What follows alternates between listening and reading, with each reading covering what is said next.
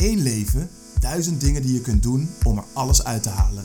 Een podcast waarin we je helpen stil te staan bij de dingen die je doet en de keuzes die je daarin maakt. Bewust leven dus. Bewust kiezen voor een leven dat is ontworpen volgens jouw idealen.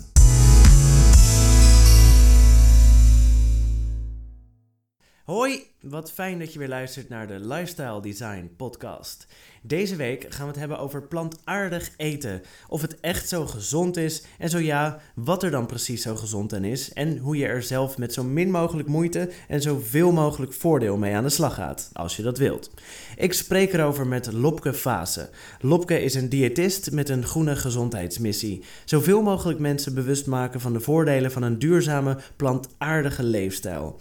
Dat doet ze door mensen één op één te adviseren, maar ook door te bloggen op en te podcasten in haar eigen podcast, Lopkes Podcast. Ehm, B12, heel belangrijk punt. Maar dat wil ik ook echt benadrukken. Ook voor mensen die minderen in vlees. En dat zijn inmiddels een heleboel mensen in Nederland. Je moet ongeveer drie keer per dag dierlijke producten eten. Wil jij voldoende B12 consumeren?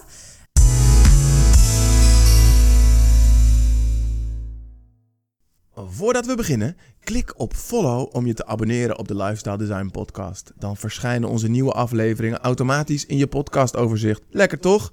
En luister je op Apple Podcasts, dan maak je ons super blij met een 5 sterren rating.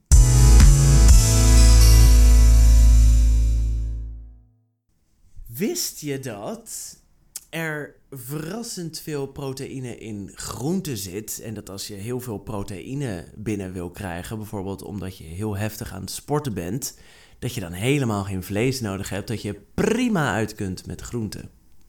Mm, ja, dat wist ik wel. Oké. Maar eh, volgens mij. volgens mij is dat, is, dat, is dat toch ook. Nou, het is volgens mij gewoon zo'n fabel die je eventjes hier on- ontkracht. Dat mensen denken dat ze die proteïne of die eiwitten uit, uit vlees moeten halen. Dus hebben de mensen vaak kip. Hè? Dat is, eh, daar, daar zit zit veel in. Precies, veel in. precies. Ja, het was een, eh, een campagne in Amerika vanuit de vleesindustrie. Die wilde meer vlees kopen, dus die hadden heel erg campagne van... If you want to be a real man, gotta eat your protein. Dus die hebben dat eigenlijk in, in, in, in de wereld geroepen. Ja, en iedereen gelooft dat nog steeds. Veel mensen, behalve de mensen die naar deze podcast luisteren. En ehm, een beetje zoiets als eh, melk is goed voor elk. Of melk is de witte motor. Nee, nee, dat is helemaal niet zo. Eet jij veel groenten? Eet ik veel groenten? Nou, ik, de- ik eet denk ik te weinig groenten. Te weinig groenten? Jij? Ja, Waarom? Ja. nou ja, eigenlijk eh, omdat ik toch nog heel klassiek mijn maaltijden... Ik noem het klassiek, maar ik weet niet of dat zo is. Dat ik toch nog mijn maaltijden zo opmaak. Dat ik zo'n heel bord pasta... waar dan een paar groenten in zitten... en een, en een saus of eh, veel rijst of aardappelen. Eh, en dan... Dus denk ik dat ik te weinig groenten daarbij leg. Oh ja. Dus veel koolhydraten. Ja. Ja, oké. Ja. Ja. ja. Maar ik merk, ik merk bijvoorbeeld wel dat ik steeds minder vlees eet. Ik bedoel, als we het gaan hebben over eh, een plantaardig dieet... ehm, dat ik steeds minder vlees eet. En dat had ik me een jaar of tien geleden echt niet kunnen voorstellen. Want ik was wel Ruben de carnivore. Oh, Want Ik vond een maaltijd niet compleet zonder een lekker stukje vlees. oh ja, jij was zo Ja. iemand. Ja. Ja. ja, maar daar ben ik echt wel van afgekomen. Dat is fijn. Dan eh, compenseer je een beetje voor de vleesconsumptie die toch helaas weer is gestegen dit jaar. Ja, is dat zo? Ja, korte tijd geleden was dat in het nieuws dat het eh, niet zo was. Dat het weer was gedaald, de vleesconsumptie. Maar extra onderzoek heeft ons het heugelijke nieuws opgeleverd... dat we toch weer meer vlees zijn gaan eten. Voor het eerst sinds 2009. En- We eten 77 kilo vlees per persoon per jaar. Dat is elke dag meer dan 200 gram. Wow. Ja, en wat groente betreft, in een enquête onder 1029 respondenten gaf 80% aan dagelijks voldoende groente binnen te krijgen.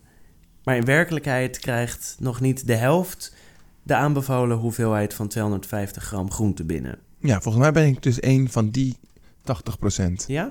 Ja, ja dus ik, op zich eet ik wel voldoende groenten, denk ik. Maar het zal vast niet de aanbevolen hoeveelheid zijn. Nee. Nou, dan hoop ik dat het meer is dan het gemiddelde. Dat is 131 gram groente per dag. En dan staat daar nog bij, hoogopgeleide mensen eten meer groente dan laagopgeleide mensen. En mensen met overgewicht eten minder groente dan mensen met een gezond gewicht. Het klinkt als een open deur.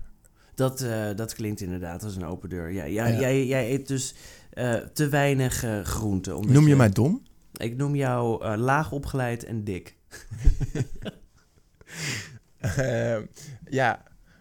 Eh, hoe zou dat komen, denk je? Dat als je laag opgeleid bent, dat je dan minder groente eet. Ja. Ja. ja. Het is niet alsof je dat op school leert. Nee, toch? Dus ja, ik weet het niet. Misschien. Nee, ik weet het gewoon niet. Het wordt wel makkelijker gemaakt, vind ik altijd, om ongezonde dingen te eten. Dus zeg maar, onze voedselvoorlichting is, eh, is ook wel shady, vind ik. Ja, waarom?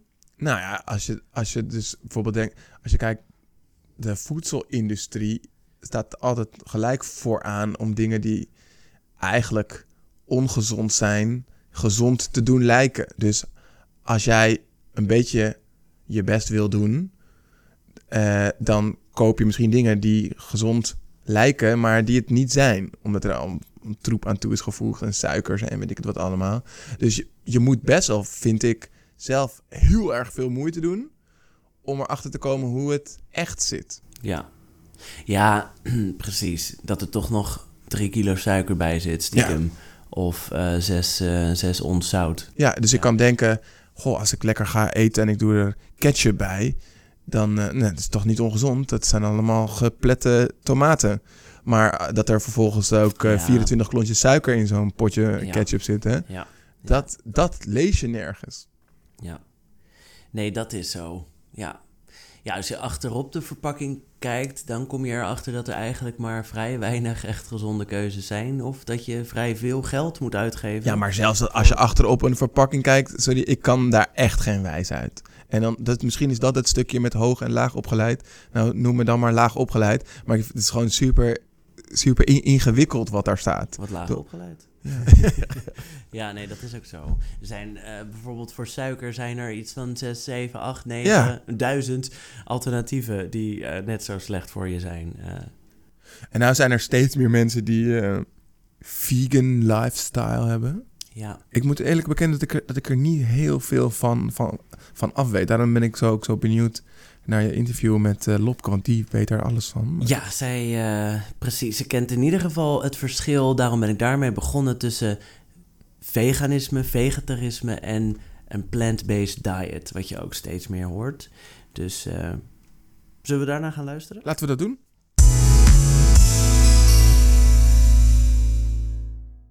Welkom eh, Lopke. Ontzettend leuk dat je meedoet met de Lifestyle Design podcast. Ja, jij welkom hier. Voor alle duidelijkheid, wat is het verschil tussen vegetarisme, veganisme en een plant-based diet? Om te beginnen met veganisme. Veganisme, dat zou ik omschrijven. Er zal misschien wat verschil zijn over de definitie, maar als echt de leefstijl. Dus dat gaat veel verder dan eten. Eh, Is veganisme niet gewoon geen dierlijke producten? Ja, maar niet alleen in eten. Dus ook in leer, in je kleding. Eh, over het algemeen zal een, een dedicated veganist niet naar circus gaan. oh nee, er zijn geen dieren meer, maar, eh, wilde dieren, maar eh, een, een dierentuin bijvoorbeeld. Dus dat Mhm. gaat veel verder dan eten. Dat is ook bij, een soort filosofie, is dat Ja. bijna. Ehm, vegetarisme gaat inderdaad over geen vlees. En daar zijn ook weer onderscheidingen in. De een eh, die, die eet geen kaas, want daar zit dan weer iets in van een kalfje wat daarvoor dood moet. En de ander Wel vis, Wel- geen vis. ja, nou, vis is wel over het algemeen, dan ben je weer een, een als je het een label wil geven, een pescotariër. Maar in ieder geval, gelatine is een mooi voorbeeld. Eet je wel producten met gelatine of niet? Waar gaat een, een, een dier voor dood? Dus ja, als je het, het is altijd lastig met labels, maar goed, officieel eet je geen dode dieren. Vegan, of eh, plant-based, sorry. Ehm, dat eh, gaat echt vooral over voeding. En zou ik ook omschrijven als het gaat meer richting het gezonde. Omdat een eh, veganist die kan zich volgooien met cola, eh, chips, Oreo's en dat soort producten die puur plantaardig zijn, maar niet gezond. Ehm, dus een plant-based voedingspa- voedingspatroon, Wolfood plant-based voedingspatroon officieel. Whole gaat- foods, plant-based. plant-based, Oké. onbewerkt plantaardig. Ja, want, want even voor duidelijkheid, wat is dan whole foods? Eh Whole Foods, ja, letterlijk onbewerkt. Dus het gaat over onbewerkte plantaardige voeding, puur plantaardig. Dus Oreo's, bewerkte voeding, of pizza of suiker, eh, zelfs olie trouwens. Want olie is geen volledig product. Hè. Je hebt eerst een volledig product, een olijf, een walnoot, ik noem maar wat. Wat je zo gaat raffineren dat er alleen maar het vet eruit komt. Dat is officieel niet Whole Foods. Onbewerkt dus. Ja, echt onbewerkt, puur plantaardig.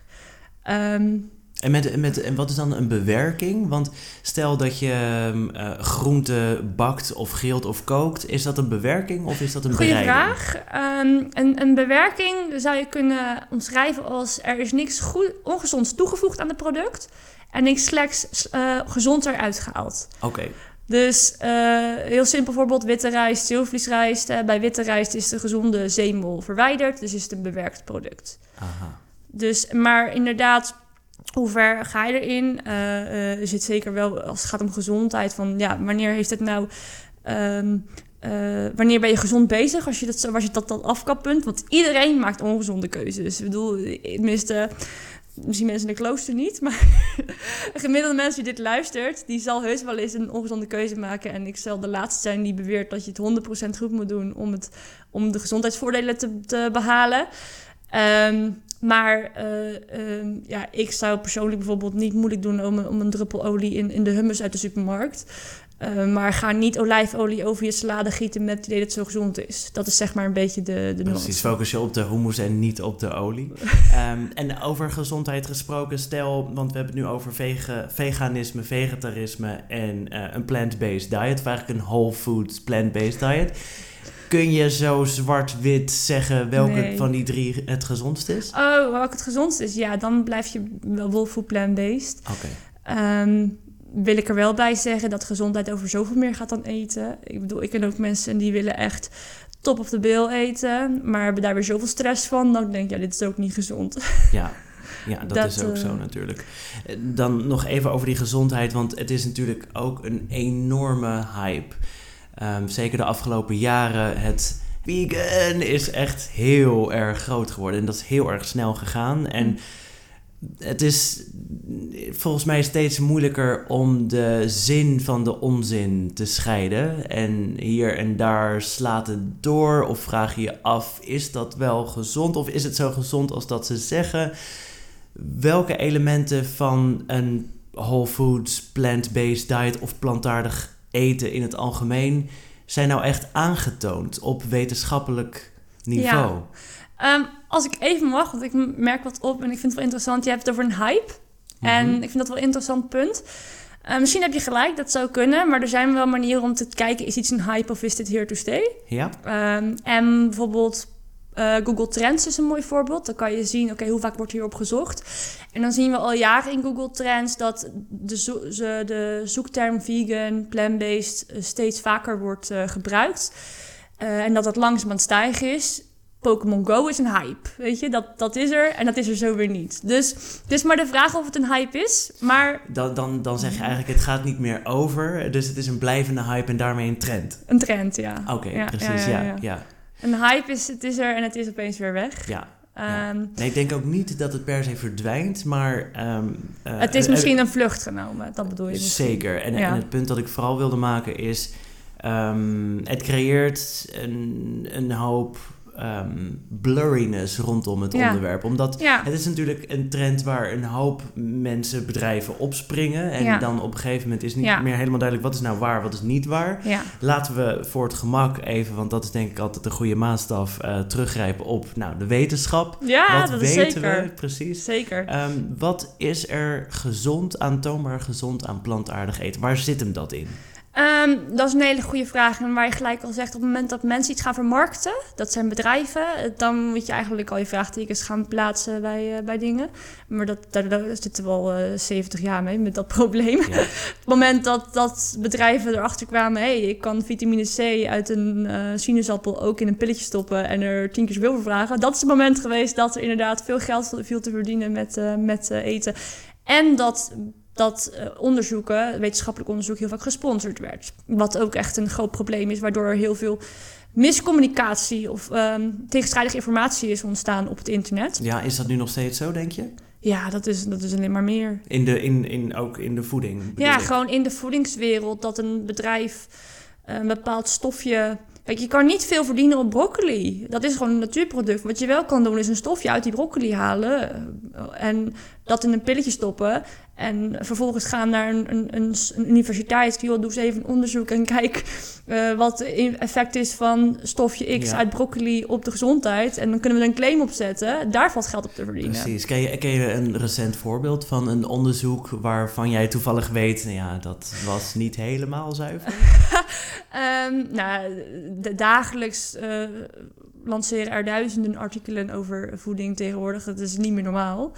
Ehm, ehm, maar er zijn gewoon heel veel eh, voorbeelden te bedenken waarbij een ei-industrie iets steunt. En recentelijk, eh, op het moment dat we dit opnemen tenminste, is er weer iets met rood vlees. Waarvan we weten, om bijvoorbeeld een voorbeeld te noemen, om je, je oorspronkelijke vraag te beantwoorden, dat rood en bewerkt vlees het eh, risico op dikke darmkanker iets verhoogt. Met name bewerkt vlees. Ehm, dat is gewoon iets wat de Wereldgezondheidsorganisatie heeft vastgesteld. Ehm, en misschien is het dan interessant om te snappen hoe werkt wetenschappelijk onderzoek. Want we hebben verschillende gra- gradaties in eh, soorten wetenschappelijk onderzoek. Je hebt bijvoorbeeld, eh, dat noemen we de mate van bewijskracht of level of evidence. Proefdieronderzoek of in vitro onderzoek, dat is uh, reageerbuisstudies. Dus eh, ik stop stof, stof X in een reageerbuis en kijk wat het doet. Dat, daar zijn er legio van, talloze. Maar ik hoef jou niet uit te leggen dat wij geen konijnen zijn, of, of apen, of, of paarden, of honden. En ook geen reageerbuizen. ja, ook dat niet. Ook Nee. dat niet. Dus is hartstikke leuk dat het gedaan wordt. En soms opent het wel een deur om onderzoek te doen wat complexer is en, en van een, eh, een betere kwaliteit. Maar op het moment dat er een uitkomt dat stof X reageert op een effect X heeft bij een aap. Kan je niet zeggen dat het ook zo is voor mensen. Dat werkt niet zo, maar dat begrijpen journalisten niet altijd. Dus die schrijven dat wel op in de kranten. En zo ontstaat dat enorme scala aan tegenstrijdig onderzoek. Veel interessanter onderzoek met een hele hoge level of evidence is bijvoorbeeld cohortonderzoek, waarbij tientallen jaren mensen worden gevolgd. En dan kijken ze naar voedingspatronen. Eh, de China Study is daar een heel mooi voorbeeld van. Ehm, eh, waarbij ze gaan kijken, oké, we volgen deze mensen nu 20 jaar en we gaan kijken wat hebben ze een beetje gegeten. En dan zien we, oh, groep A heeft eh 100 gram groente per dag gemiddeld gegeten, groep B ongeveer 200 gram, ah, enzovoort. En dan zien we gewoon dat mensen die meer groente en fruit eten, dus dan een, een, een, eh, correlatie noemen ze dat, dus geen causatie. Dan Ja. zien we gewoon dat mensen die meer groente en fruit eten, gezonder oud worden.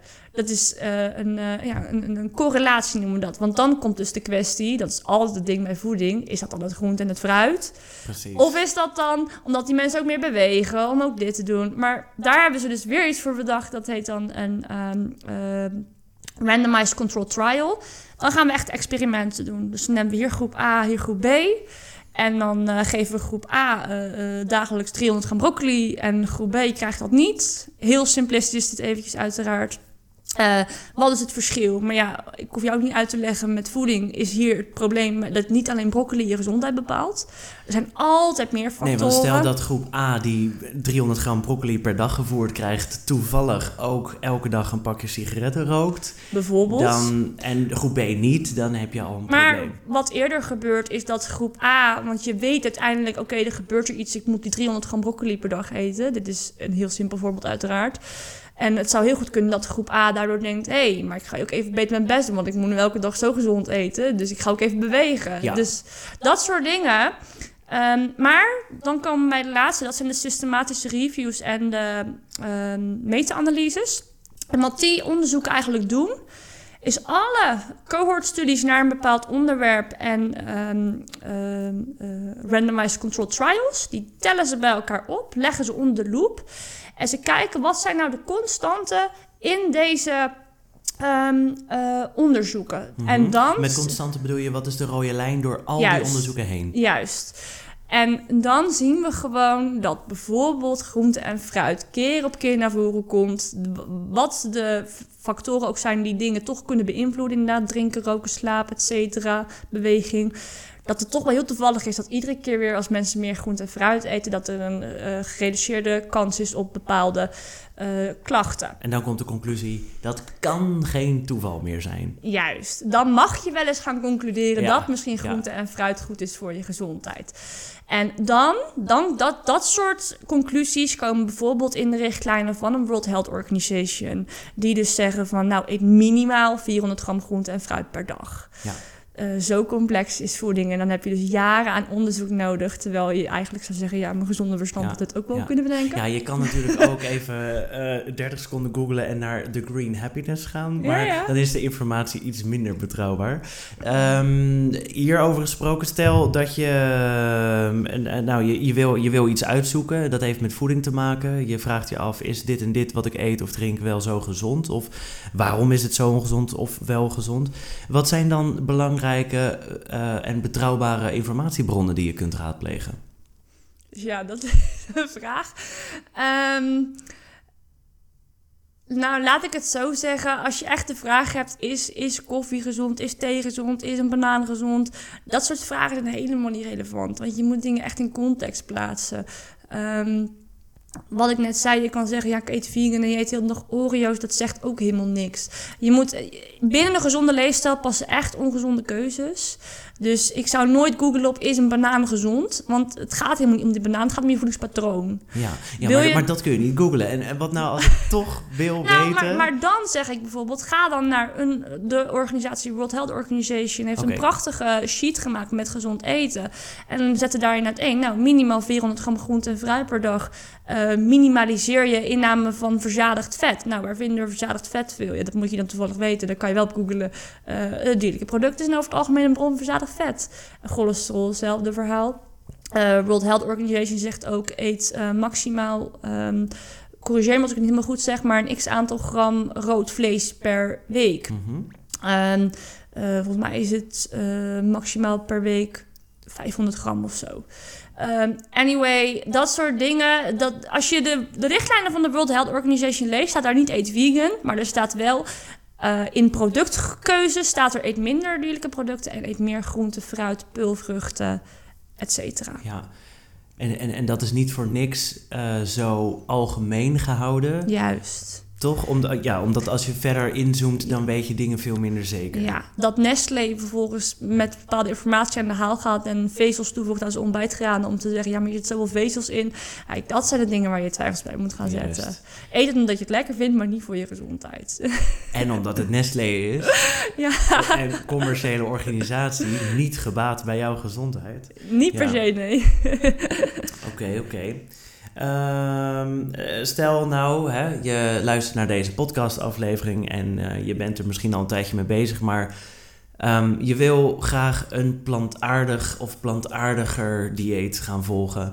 Wat zijn dan ehm, de eerste stappen die je zet? Waar kun je beginnen en hoe kun je met zo min mogelijk moeite zoveel mogelijk winst boeken daarmee? Eh, min mogelijk moeite is altijd door eerst je eigen voedingspatroon onder de loep te leggen. De meeste mensen zijn niet zo heel zo sterk in variatie. Dus kijk gewoon, eh, zeker ontbijt, lunch is vaak redelijk standaard bij mensen. Oké, hoe kan ik dat eh, upgraden? Ja, dus de dingen die je elke dag doet. Ja, Eet je elke dag een cracker met kaas in de ochtend, dan een cracker met hummus. precies. Zoiets simpels Ja. kan het zijn.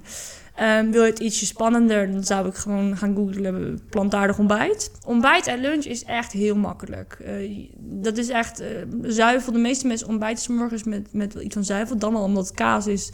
Dan wel omdat het eh, cornflakes is met melk eroverheen. Of een havermelkje. Nou, Daarover nog even een vraag tussendoor. Zuivel, je hoort er van alles over. Vroeger was het altijd melk is goed voor elk. ja. Melk is de witte motor. En tegenwoordig hoor je natuurlijk melk is slecht voor je. Wat is waar?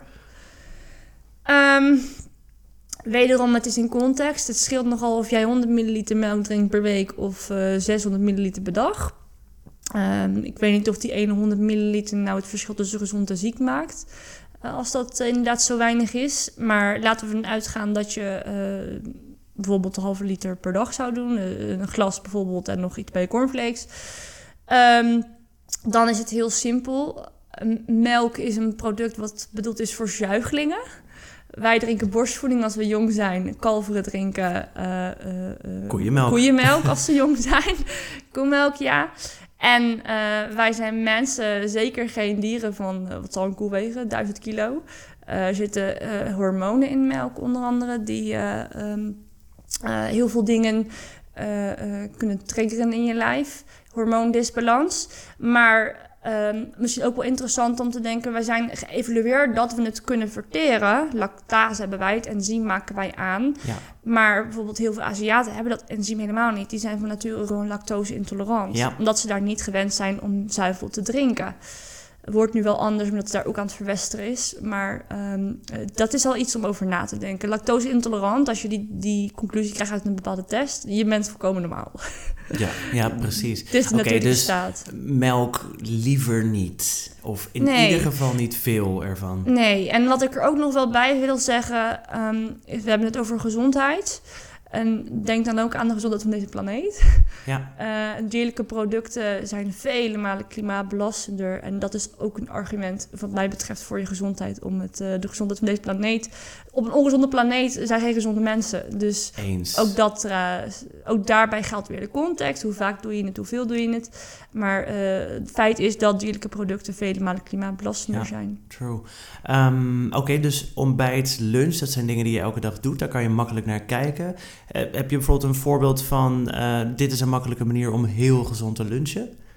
Eh, ja, ik ben zelf echt fan van salades. Ja, Gewoon eh, bladgroenten, pulvruchten erbij. Dat is ook wel een goede, de beste eiwitbron. Mensen die zijn heel snel geneigd om te denken aan kant-en-klare vleesvervangers uit de supermarkt. Ja. Nou, dat is ook wederom iets wat echt commercieel bedacht is. Je mag het doen van mij. En als je het makkelijk vindt om de transitie op die manier te maken, doe het. Ehm, maar voor je gezondheid hoef je het niet per se te doen. De meest pure eiwitbron, net zoals de World Health Organization zegt, zijn gewoon pulvruchten. Dus bonen, erwten, linzen, kikkererwten, dat soort dingen. Eh, en een salade zou je op die- manier als basis kunnen maken en dan aanvullen met allerlei groenten. Van, eh, kan je niet afstand doen van je, je broodje? Nou, dan doe je er hummus op met komkommer en eh, eh, kiemen.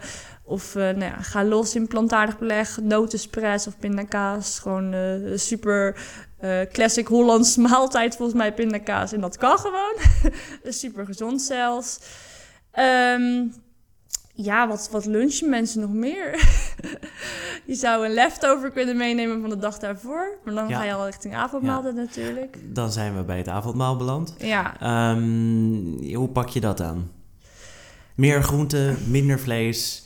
Eh, er even vanuitgaande dat mensen niet langer dan een half uurtje in de keuken staan. En Ja. niet zoveel zin ja hebben maar dat om- denk je dat ik dat doe, maar dat is ook niet zo hoor. Nee, dat Het zijn neem ik niet zomaar zo 1, 2, 3 aan. Nee, ik richt me even op de luisteraar. Die dat misschien... Nou ja, sommigen natuurlijk wel, anderen niet. Maar wat zijn nou super gezonde maaltijden die niet al te veel... Een basis, een, een goede richtlijn. Het hangt er een beetje vanaf hoe actief ben je. Maar als goede richtlijn zou je kunnen gebruiken. Zorg dat een avondmaaltijd ongeveer één vuistje. Dus als je jouw vuist zeg maar pakt, één vuistje ongeraffineerde koolhydraten. Dus zoete aardappels, zilvervlies, rijst, volkoren pasta. Ook zo'n producten. Niet meer dan één vuistje. Ja, tenzij je heel actief bent. Het is maar een richtlijn hè. Ja, ja, ja, ja. Ongeveer, en, en misschien zeg jij, ja, dat vind ik echt veel te veel. Nou, luister alsjeblieft naar je lijf. Mijn richtlijn is niet heilig, maar een richtlijn zou kunnen zijn een vuistje. Andere vuistje is dan pulvruchten, of tofu of tempeh. Vind je dat nou heel lastig? Want ik weet dat mensen in het begin, zeker aan het begin, ze zijn zo gewend om met kip en, en rund en dat soort dingen te, te, te koken. Nou, ga alsjeblieft naar Albert Heijn en kijk eens in het schap wat er allemaal ligt. Want echt voor alles is een vervanger. Letterlijk voor alles. Eh, en pak die dan gewoon. Daar alsjeblieft niet te moeilijk over. Ehm, en eh, de, de laatste twee vuistjes is dan groente inderdaad. En daar kan je eigenlijk iedere maaltijd van maken. Maak je een pasta, een, een lentil bolognese. Dus dat is dan een pasta bolognese met linzen in plaats van gehakt. Of pak het plantaardig gehakt uit de supermarkt. Of maak je rijst met bonen of tofu en wokgroenten. Die basis kan je altijd mee aan de slag. Nou, klinkt goed. Dan hebben we dus ontbijt, lunch en avondeten gehad. We eten nu heel erg gezond.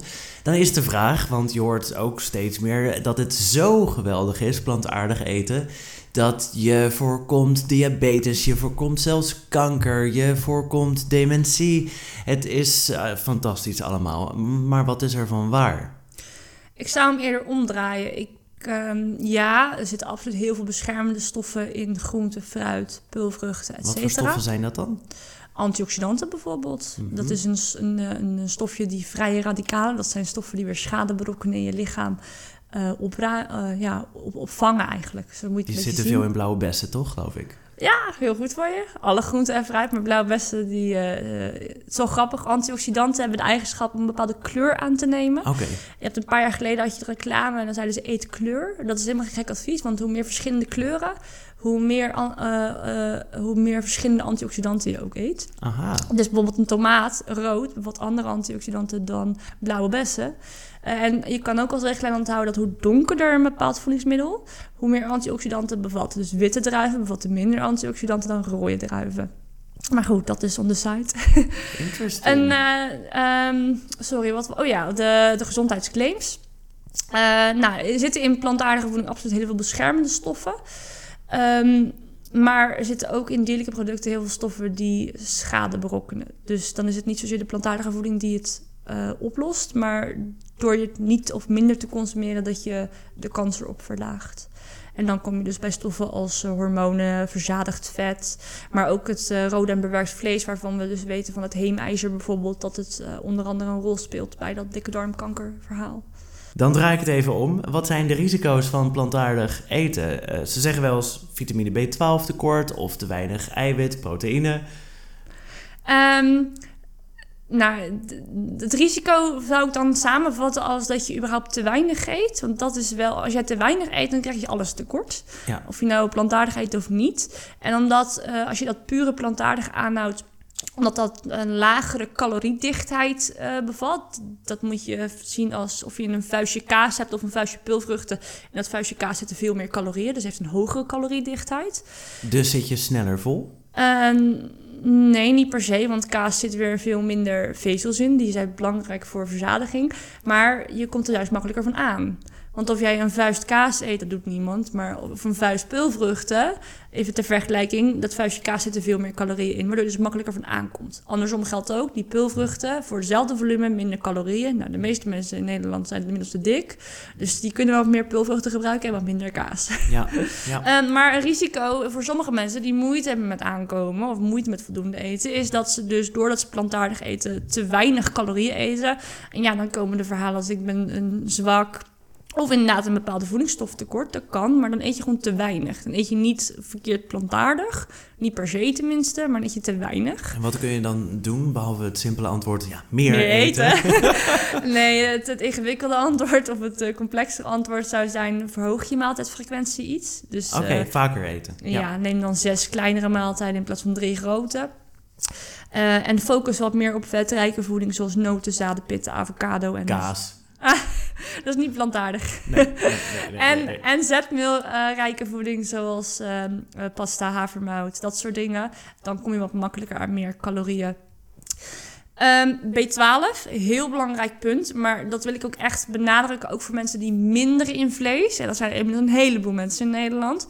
Je moet ongeveer drie keer per dag dierlijke producten eten, wil jij voldoende B12 consumeren.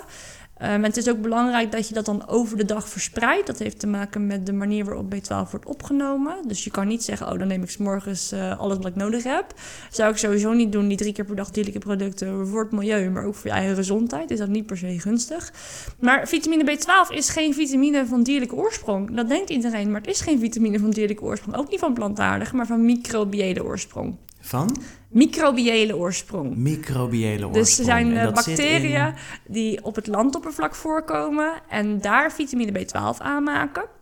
Of in de darmen van een dier, dat kan ook. En dat komt dan omdat die dieren weer die bacteriën opeten. Ja. Want vroeger stonden de dieren nog op het land. en dan naten ze gras bijvoorbeeld en dan kan dat mee. Um, het is zelfs zo, uh, in het water zat het ook. Zo kregen wij het vroeger ook binnen. Het zit nog steeds in het water, alleen alles wordt gefilterd. Alles wordt met pesticiden bespoten tegenwoordig. Dat microben komt niet meer zoveel voor op de uh, voedingsmiddelen van tegenwoordig. Ook dieren in de bio-industrie... Uh, en ik denk ook gewoon de biologische industrie, omdat er gewoon een, een, een kwaliteitsproduct heet dat dan moet worden afgeleverd met een bepaalde voedingswaarde, krijgen vitamine B12 gesuppleerd. Dus skip het verzadigd vet, skip uh, het, uh, de hormonen, skip nou ja, alle ongezonde stofjes uit vlees en ook onnodige. En ga naar de bron en neem zelf gewoon een B12-supplement. En nogmaals, ook als je dus... Dus dit is een van de weinige dingen waarvan je zou zeggen, eh, schaf er een pilletje voor aan. Ja, zeker. Maar ook dus als je mindert in dierlijke producten. Want je eet niet voldoende B12. De B12-klinieken, als er daar mensen aankomen, zijn het over het algemeen niet veganisten. Het ironische is zelf, veganisten zijn heel erg goed op de hoogte. B12 klinieken, zei je dat nou? Ja, ja, dat Ja, bestaat. de klinieken, er zijn zoveel mensen met een B12 tekort dat er een- klinieken voor zijn. het is een enorm ding. En het zou mij niks verbazen als het nog een keer misschien net zoals jodium aan brood wordt toegevoegd. Misschien Ja. wel aan drinkwater wordt toegevoegd. Ja, zeker. En, en, en, en qua voeding, waar zit het dan wel in? Waar, waar als er nou één ding is... Nou ja, bedoel je gewoon eh, voeding voor iedereen of alleen plantaardige producten? Ja, het liefst plantaardige producten. Daar dan. zit het niet in. Het zit niet omdat we alles wassen, schoonmaken, Dus pesticiden gebruiken. Koop een pilletje is het dus eigenlijk. Ja, een supplement. Ja, Ja, ja, Maar dus ook als je mindert. En en vegetariërs ook. Want je hebt een voorraad van zeven jaar gemiddeld. Ehm, denk niet, ik, eh, ik hoor niet bij die groep. Want opeens heb je een tekort. En dan kan de schade echt onomkeerbaar zijn. Ehm, maar wat ik wou zeggen, de, de mensen met een B12-tekort bij de huisarts. Als je vraagt aan je huisarts hoe vaak zit iemand met een B12-tekort, nou waarschijnlijk wel wekelijks. En dan zal ik erachteraan zeggen dat het echt geen veganisten zijn. Dat zijn Ja. gewoon mensen die vlees eten, vaak ook ongezonde darmen hebben, waardoor ze het minder goed opnemen. Dat speelt ook allemaal een rol. Oudere mensen vaak ook. Ja. Ehm, dus het ironische is dat veganisten, omdat die op de hoogte zijn, ik moet het suppleren, vaak minder een tekort hebben Precies. dan mensen die wel vlees eten, maar Ze zijn bewuster met hun voeding bezig. Juist. Ja.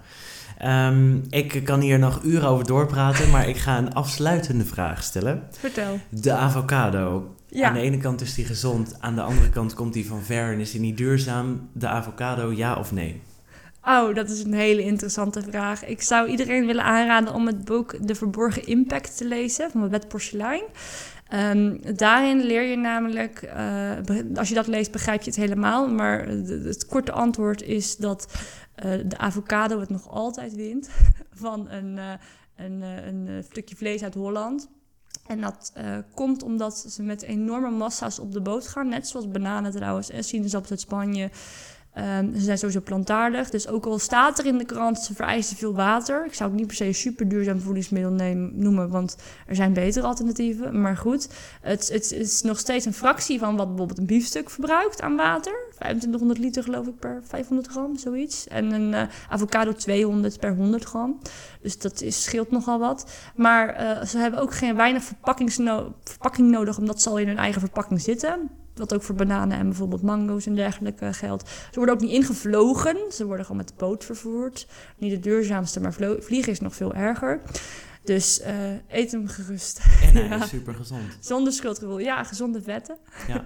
Klopt. Oké, nou Lopke, super bedankt voor al je informatie. Ja, bedankt dat je bent gekomen. Veel genoten, veel geleerd? Klik dan op follow, zodat je onze podcast volgt en nieuwe afleveringen automatisch in je feed verschijnen.